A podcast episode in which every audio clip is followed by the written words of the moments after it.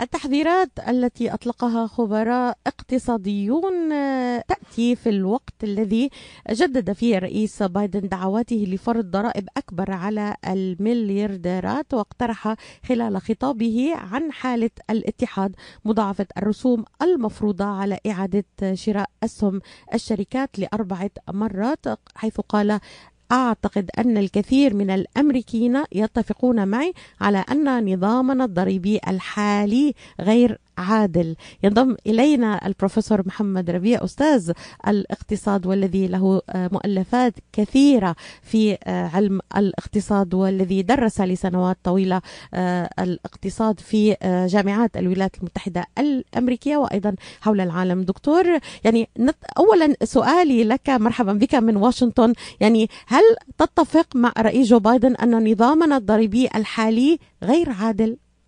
بكل تأكيد.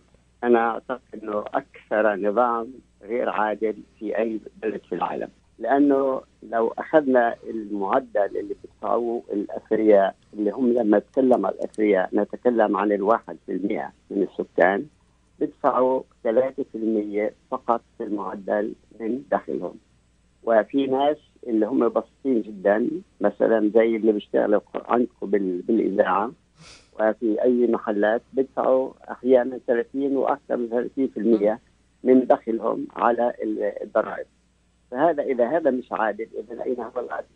دكتور ما رأيك فيما أعلنه البيت الأبيض واقترحه الرئيس جو بايدن بفرض ضريبة أعلى على الأغنياء في الولايات المتحدة الأمريكية؟ يعني وكمان يعني حد أدنى لضريبة أغنى الأمريكيين. يعني لم يقل 10 15 قال 1% فقط. يعني يعني ما المشكلة في هذه الضريبة؟ وهل فعلا ستؤثر على الفقراء وما إلى ذلك من تحليلات تداولها البعض؟ هي الفهم اللي بقوم عليه السياسة تبعت الجمهورية بشكل أساسي. إنه لما نحن بنفرض ضريبه على الاثرياء هذول الاثرياء بصير عندهم شوية أقل آه، فلوس وبالتالي ما بينفقوا ما بيستثمروا أكثر. لما ما بيستثمروا أكثر ما بيخلقوا وظائف للناس. وبالتالي لما بيخلقوا ما بيخلقوا وظائف كافية بصير في ناس عاطلين على العمل هدول الناس العاطلين عن العمل هم اللي راح يتضرروا بشكل أساسي لأنه ما عندهم وظائف وبالتالي كمان الاجور بتنزل. وهذا كلام بيتنافى تماما مع المنطق. ليش؟ لأنه إحنا ممكن نرد عليه بشكل ثاني آخر. إنه لو إحنا فرضنا على هذول الضرائب اذا بكون عندنا ما يكفي إنه نساعد الناس الفقراء. لما نساعد الناس الفقراء هذول الناس الفقراء اللي مش قادر يشتري كتب لأولاده وهو في المدرسة بيصرف هذه الفلوس أو جزء منها عليها والجزء الثاني بيشتري شغلات مختلفة وبالتالي يستطيع انه يعني ينشط النشاط الاقتصادي في البلد ويؤدي إلى زيادة الإنتاج في البلد وبالتالي زيادة دخل الجميع. يعني أنا بعطي مثال إنه في مؤسس مؤسسة بريطانية بالأساس هي كل سنة بتطلع تقرير عن عن حال الثراء والفقر وتضييع الثروة في العالم تقول إنه في العامين الاخيرين فقط زادت دخل العالم ككل أو الإنتاج العالمي 42 تريليون دولار مش بليون تريليون دولار. هذول أخذوا منهم الواحد الاثرى في العالم كانت حصتهم هي 63% وكل الباقي في العالم اللي هم 99% في العالم كانت حصتهم 37% اذا تخيلي هذا الرقم. إنه الواحد في المية ياخذوا اللي هي ال 63% والبقية كل اللي بياخذوه هو عبارة عن آه، الثلث يعني ثلثين وثلث الحقيقة إلى حد كبير. فاللي لو أخذت 90% من الناس الفقراء لأن دائما الأثرياء بدهم ناس وسيط اللي بيشتغلوا عندهم بعطوا له مانجر وبعطوا له يعني وظائف مهمة في الشركات تبعتهم.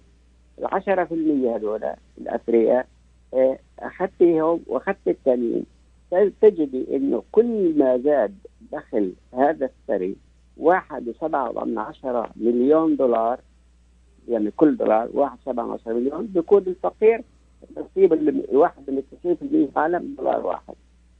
يعني زيادة دخل التسعين في المية من سكان العالم اليومي لنقل دولار هلاك بيزيدوا واحد سبعة من عشرة مليون دولار. هذا هي شركات النفط مثلا اللي عاملة في أمريكا السنة اللي فاتت عملت 306 مليون دولار ببليون دولار زيادة عائلة وولتون لوحدها عملت في السنة الأخيرة هذه عائلة وولتون 8 8 و5 8 ونص خلينا نقول بليون دولار في السنة الأخيرة هل هذا عدل؟ أين هو العدل؟ أنا سمعت قبل حوالي أسبوع على الراديو العام ال NPR انه بقول 30% من طلاب المدارس الثانوية والجامعات في أمريكا ما عندهم فلوس يأكلوا. ما عندهم فلوس. وبالتالي الحكومة عملت لهم برنامج بيخلص السنة هذه. عندك انها تعطيهم 250 دولار في الشهر. حتى إنهم يساعدوا حالهم حتى يقدروا ياكلوا فإحنا بنتكلم عن أغنى بلد في العالم. أغنى بلد في التاريخ. وأكبر اقتصاد في العالم.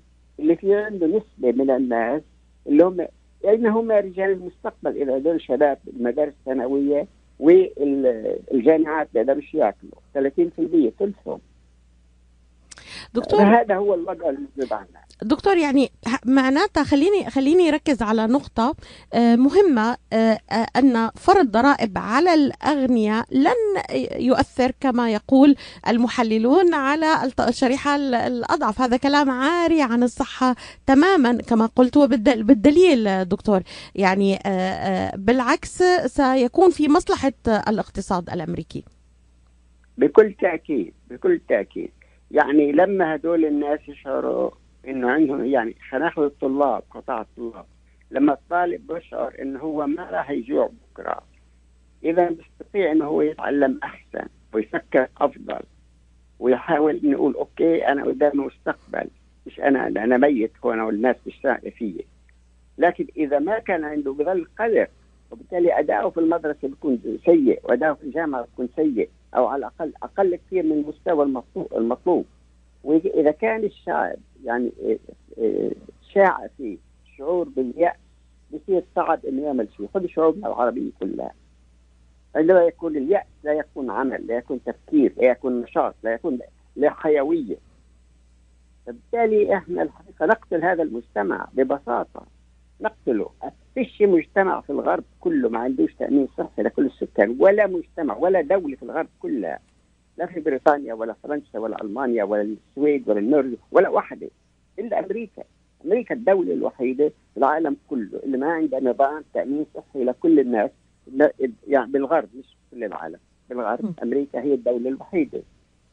زائد شغلات كثير يعني ممكن ينقال عن هذا الموضوع كثير جدا.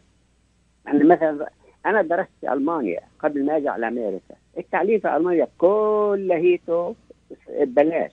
ما حدش بيدفع فلوس بالمرة. كل الدول السويدية الإسكندنافية ما في فلوس. التعليم مجاني في هذه في المدارس في الجامعات. المرأة لما بتكون حتى حامل ولا شيء بعطوها فلوس زيادة في البلاد. فإحنا الحقيقة الإنسان ما له قيمة عندنا الإنسان هو أقل شيء له قيمة في هذه البلد هو الإنسان كما هي الحال في الدول العربية. صحيح دكتور أشرت إلى يعني نموذج كمان. حتى المرأة الحامل واللي بتولد ما بيعطوها فقط من دخلها خلال العطلة يعني حتى العطلة غير مدفوعة يعني لحتى تهتم بأطفالها. بياخذوا بيعطوها فقط من دخلها 30% أو 25% يعني. كيف يمكن أن يكون هذا عادل مثلا يعني في في بلد كما أشرت متحضر كالولايات المتحدة الأمريكية؟ مين متحضر ما تقولي متحضر إحنا نستخدم كل الناس يعني معظم اللي بيكتب بيستخدم كلمة الحضارة الغربية ومتحضر. هذا كلام فارغ. الحضارة بهذا المعنى هي عندها تقدم علمي وتقدم تكنولوجي لكن أخلاقيا غاية متحضر. المجتمع الوحيد الذي كان متحضرا عبر التاريخ هو المجتمع الزراعي. لما انتهى المجتمع الزراعي ما عاد في شعب متحضر. في شعب متقدم لكنه غير متحضر. لأنه كلها طغت عليه الماديات ونسي كل الروحانيات ليس كل الإنسانية. دكتور يعني في دقيقة لو, لو من فضلك يعني هل تشرح لنا موضوع آه، المثار الجدل حوله إعادة شراء آه، آه، الأسهم من المستثمرين؟ يعني ما هي هذه العملية لتبسيطها لمستمعينا في في دقيقة أو دقيقة ونصف من فضلك؟ أنا مش فاهم شو يعني المطروح حتى لاني أقدر أعلق عليه. يعني دكتور الرئيس جو بايدن قال يود أن خفض التضخم للحد من ميل الشركات لإعادة شراء أسهمها من المستثمرين، يعارض المو... البعض من الاقتصاديين هذه الفكرة. هذه الفكرة إعادة الشراء إنه لما هو بيشتري من المساهمين بصير هو ملاك أكثر في الشركة بصير هو كل حاطط يعني فلوسه الآن بيصرفها في شراء أسهمه أسهم الشركة تبعته. فلما بيشتريها بيكون هو صار بيملك نسبة أكبر في الشركة. لما بيملك نسبة أكبر في الشركة بصير الأسهم يعني ما إلها تجيب له هذاك الدخل الكبير وتعمل متاجرة بكونش في أسهم كافية للمتاجرة السوق، أعتقد هذا هو المفهوم المفهوم منه، بس أنا الحقيقة كل العملية هذا مفهوم خاطئ على فكرة، انه أنت ما دام تشتري الأسهم في تركز في الثروه فقط، بس ما بيأثر على شيء. ما بيأثر بالعكس هو بيرفع أسعار الأسهم. ليش بيرفع اسعار الاسهم؟ أسهم أقل في السوق. أشكر... الطلب عليها عالي. أشكرك جزيل الشكر على التعليق على هذا الموضوع الهام دكتور. يعني هل النظام الضريبي للولايات المتحدة عادل؟ شكرا لك بروفيسور محمد ربيع أستاذ علم الاقتصاد ومؤلف العديد من الكتب حول الاقتصاد الأمريكي ودرست في الولايات المتحدة الأمريكية وأكثر دول العالم حول مفهوم الاقتصاد العادل بمفهومه الأشمل والأوسع. شكرا لك دكتور محمد ربيع كنت معنا مباشرة من واشنطن. وشكرا لكم.